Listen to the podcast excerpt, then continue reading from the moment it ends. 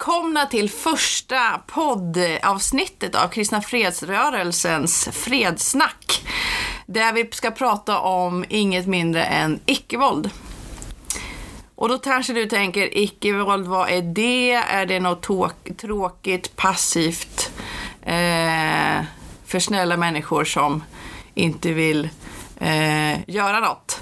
Oftast när vi pratar om icke-våld så, så är det också ganska tekniskt och introvert. Mm. Eh, idag vill vi göra helt annorlunda. Vi vill prata verkligen om hur man kan använda det och vad det egentligen är och att icke-våld är det coolaste och smartaste som finns. Exakt, eller hur? Därför... Verkligen, så därför vill jag välkomna Kerstin Bergå som har ett långt förflutet inom eh, fredsrörelsen men också är en av Sveriges mest avancerade icke-våldsutbildare.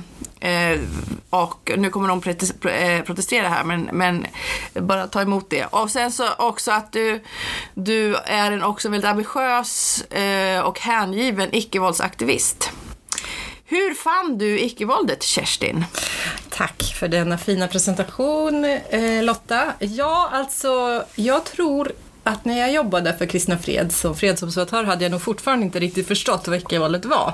Men sen så jobbade då Martin Smedjeback här som, också, som är eh, djurrättsaktivist nu för tiden framför allt. Och han, eh, han... Och det här är alltså 2000, det är ju 10-12 år sedan. absolut. Och 15 år sedan. Ja, exakt. Och då, då så hade vi ett icke-våldsutskott som vi fördjupade oss i det här med icke-våld. Och då fattade jag ännu mer det här systematiska, strategiska eh, sättet att, att ta sig själv och det man tror på på allvar för att kunna förändra.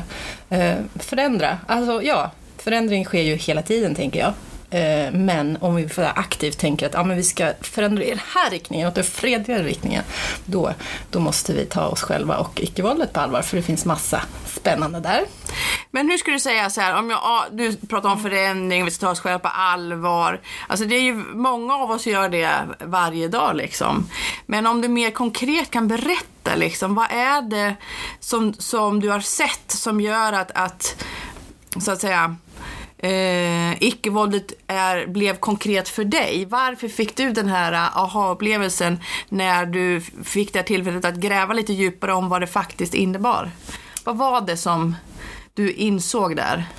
Eh, ja, den där enlightenment. Nej, men jag, jag förstod väl att det, alltså, genom historien så har ju människor bjudit motstånd liksom, och förändrat hela tiden. Vi har bestämt oss för att ja, men det här sättet, det, här är inte bra, det här, så här vill vi inte ha det. Och så har man gått samman till en stor kraft i att, att så här, gemensamt så kan vi, kan vi sätta oss emellan, gå emellan eller tänka ut ett annat sätt som vi bara börjar leva istället. Och då, och då såg jag det, att det var det de människorättsförsvarare i Guatemala och Mexiko som jag hade mött gör. Och ja. Jag tänkte, jag kommer från Umeå och kvinnorörelsen var väldigt stark när jag växte upp och även djurrättsrörelsen. Alltså jag fick liksom, jag förstod att eh, ah, det här är rörelser och skulle vi veta ännu mer om icke-våld så skulle vi kunna ja, eh, bli ännu mer effektiva i att förändra världen. Men, men om man då kollar på ordet icke-våld så är det ju många som skriver icke bindestreck våld. Alltså att man gör saker utan, och då tänker man fysiskt våld. Alltså hur aktivt är icke-våld egentligen? Eh, ja, om man tänker på det här, eh, det kommer ju från ahimsa-begreppet eh, och det associeras också lite med inte-våld. Och inte-våld är en viktig del av icke-våldet, utan våld. Men med Gandhi då, Eh, så, eh, så, så tänkte han att det här gamla begreppet eh, som fanns inom hinduismen och jainismen innan, alltså det, det, det kan liksom kombineras med en politisk kamp. Och, och det är där, det är där liksom icke-våld blir utan bindestrecket och blir också väldigt aktivt. Att så här, ja, men vi ska kombinera det här med satyagraha, att ja. kämpa för sanningen med olika strukturer och kunna förändra maktstrukturer. Så att, ja. Vad kallar du det sa du? Satyagraha. Satyagraha. Ja, jättesvårt. Kärlekens motstånd. Exakt. Men om man säger så här då, mm. som Gandhi sa. Eh, om, om, för att det här på något vis så, så tänker jag att vår största utmaning i det här samtalet är ju att konkretisera då, ja men vad är det? Och nu kan ju inte jag visa vad jag gör. Eh, Mm. Men, men det här tycker jag är styrkan med, med det aktiva icke-våldet. Och det jag gör nu det är att jag håller upp en hand, det visar stopp. Och så min vänstra hand sträcker jag ut och, och liksom välkomnar. Mm. Kan du, vad, vad menar vi med det här, att vi sätter stopp men ändå välkomnar? Det här kommer från Barbara Deming som är en, en feminist, eh, amerikansk feminist då, då. Eller var, jag vet faktiskt, tror, ja, hur som helst. Det hon ville berätta med att hålla händerna sådär, en stopphand och en bjuda in-hand, det är ju att, att det här måste gå i samspel med icke-våld. Och, och jag tror att det är lätt när man är inne kanske i en proteströrelse att bara sätta nej, stopphanden. Och det är inte så Liksom bara, det krävs ganska mycket men, många, många men att liksom hela icke-våldets själ, i, där ingår det också dialog. Och eh, att liksom då ändå kunna mö möta då den här andra handen. Eh, så. så att det här dialogunderlättandet, det, det kan man se också när man studerar icke-våldsrörelser som har lyckats. Att ja, men man har liksom fortsatt ha, ha dialogen med den som man vill förändra så att säga. Och inte bara demonisera den. Nej, det, är men inte precis. så, det är inte så lätt men, men det, ja, det är en icke-våldsprincip nästan.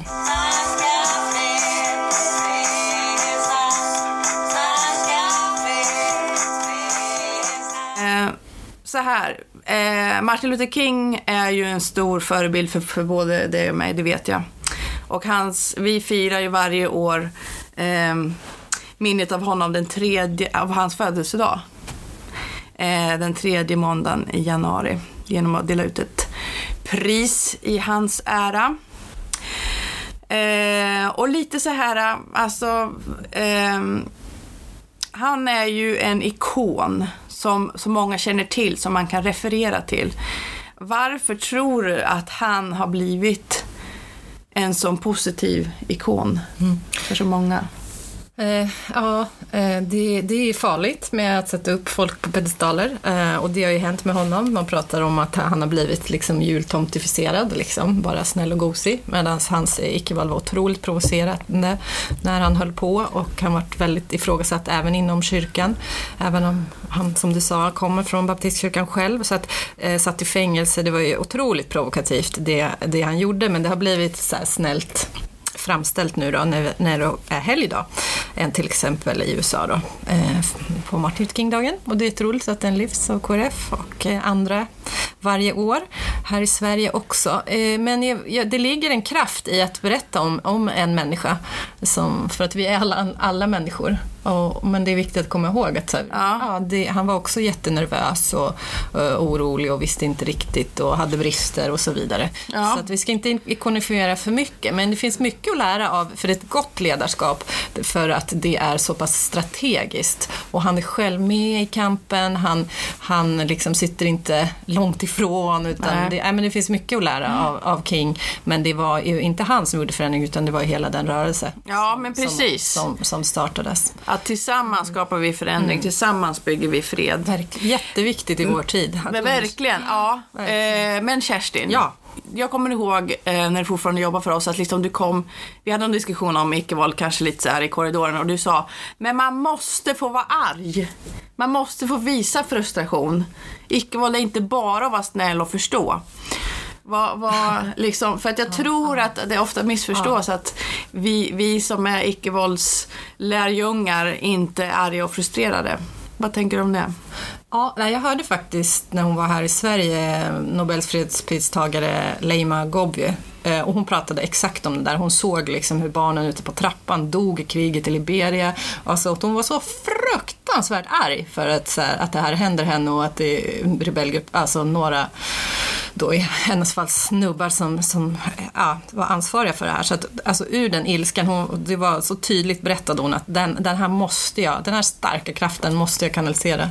Det är ett kreativt motstånd, ett konstruktivt motstånd. Så att eh, jag tänker att ilska är superbra för den, den är inte förlamande och det finns så många metoder att kanalisera den rätt. Eh, så att eh, den här Ingrid Sjöstrands Elda under din vrede kan många tycka är lite konstig men, men om, man, om man får människor att faktiskt uppröras över orättvisor och vill göra något åt det, då tror jag också vi är väldigt nära en, att ha en vibrerande demokrati. Och att inte bara tänka att det där sköter de eller ah, ja, så här, jag går och röstar var fjärde år, det räcker. Utan att förstå att, ja, men ja, att jag också engagerar mig när något det kan vara lokalpolitiskt, det kan vara att göra en namninsamling där du bor, mm. det kan ju vara, vara, vara, små saker, delta i ett föräldraråd, alltså bara liksom att vara med, uh, att få se sig själv som en aktör. Och att man kanaliserar den kraften på att göra någonting. Ja, Verkligen. Att bidra till förändring. Ja, verkligen. Och, och liksom i den där, kanske prata med någon i det första när man känner den där ilskan. Få ut den, men prata med någon annan och, och i bästa fall då, kunna kanalisera den strategiskt. Ja, men precis. Eh, och det är någonting som vi verkligen vill vara möjliggörare för. För att vi ser som att eh, ilska, eh, frustration, även konflikter är en resurs, en kraft som kan förändra och utveckla vår omvärld, oss själva, om vi klarar av att göra den konstruktivt, att ha, mm. ha mekanismer för det. Mm. Det är bara när man inte bryr sig eller när man inte gör någonting åt det eller man, man eh, inte tar tag i det som det blir destruktivt. Mm.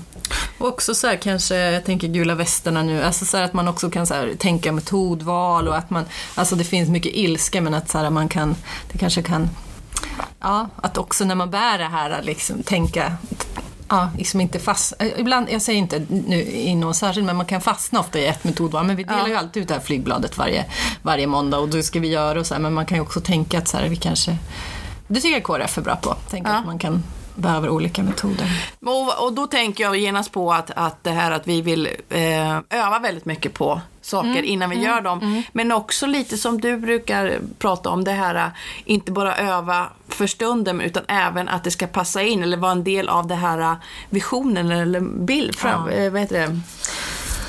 dit vi vill nå. Ja, exakt. Ja. Eh, ja, enligt en eh, Stellan Windhagen som är icke-våldsforskare eh, fredsforskare, han, han pratar ju om att det måste finnas det här utopiska målgestaltningen samtidigt. Det är de bästa aktionerna. Det är när du också visar den världen som du vill ha i det du gör.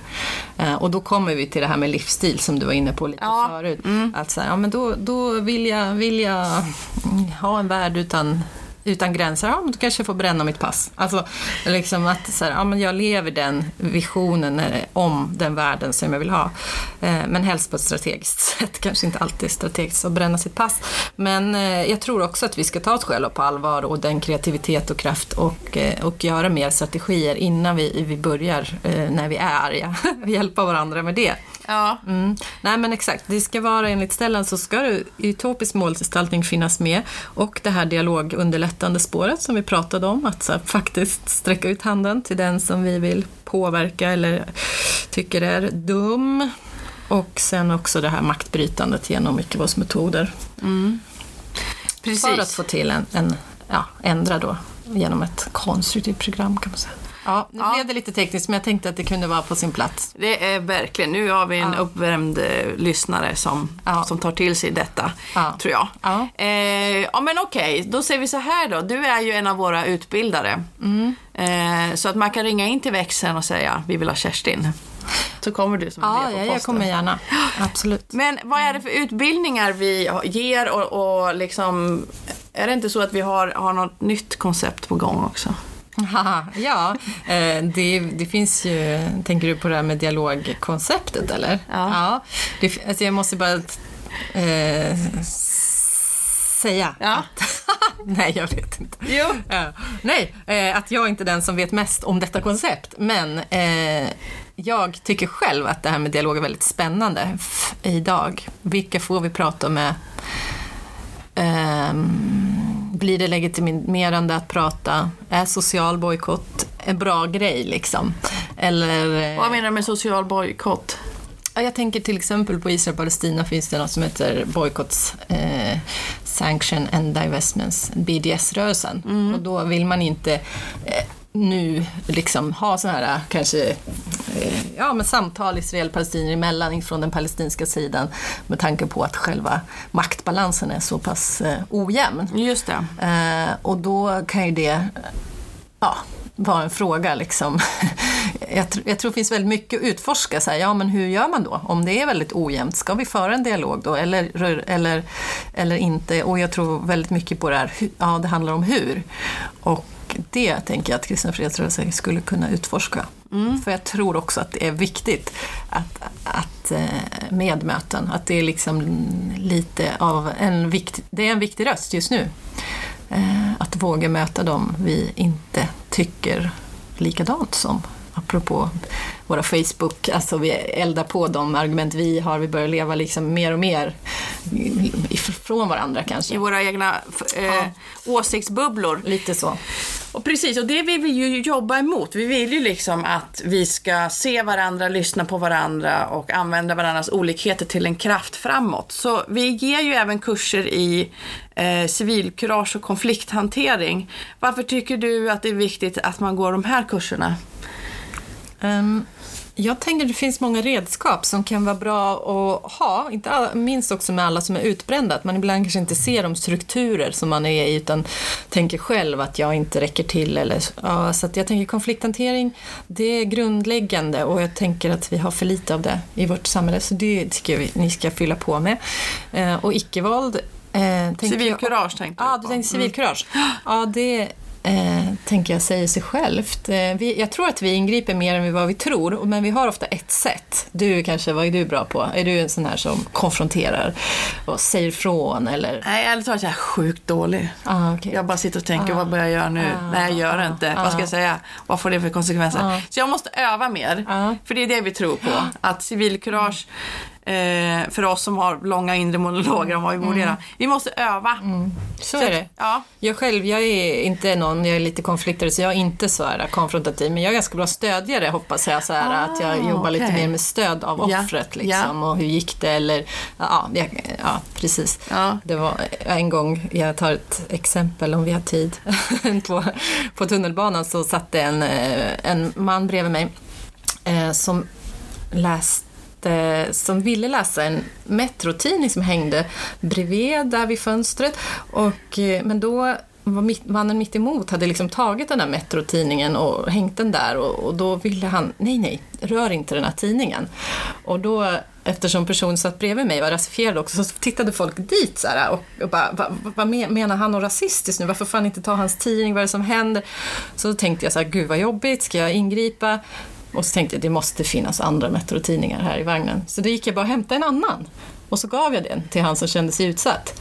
För, och alla i vagnen bara, va? De tyckte det var så kreativt. Jag sa ingenting till den här till surgubben, förlåt mig, eh, men så kände vi som upp, var där då, då att det var lite ogeneröst att inte dela med sig av en gratistidning.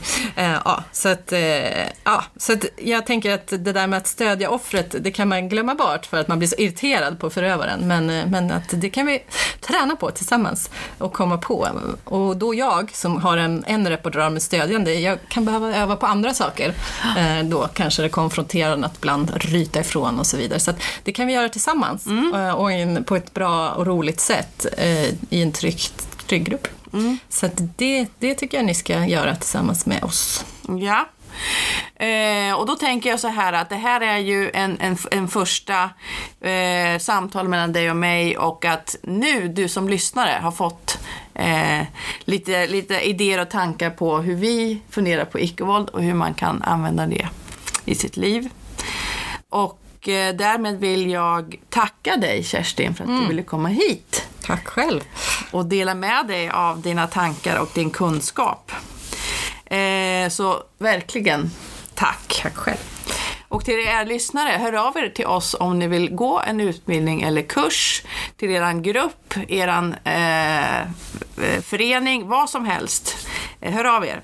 Och eh, så är det så här att vi kommer göra fler poddavsnitt, så fortsätt hålla utkik efter nya eh, avsnitt på vår hemsida, krf.se eh, snedstreck heter det va? Fredssnack. Vi finns även på Soundcloud och på våra sociala medier. Har ni tips, frågor eller kommentarer så ställ dem gärna på eh, vår mejladress info krf.se eller våra sociala medier. Våra, vi äger inga, men på de sociala medierna. Eh, och använd hashtag fredsnack. fredssnack. Det är så lätt fel. Hörni, då säger vi så. Tjingeling.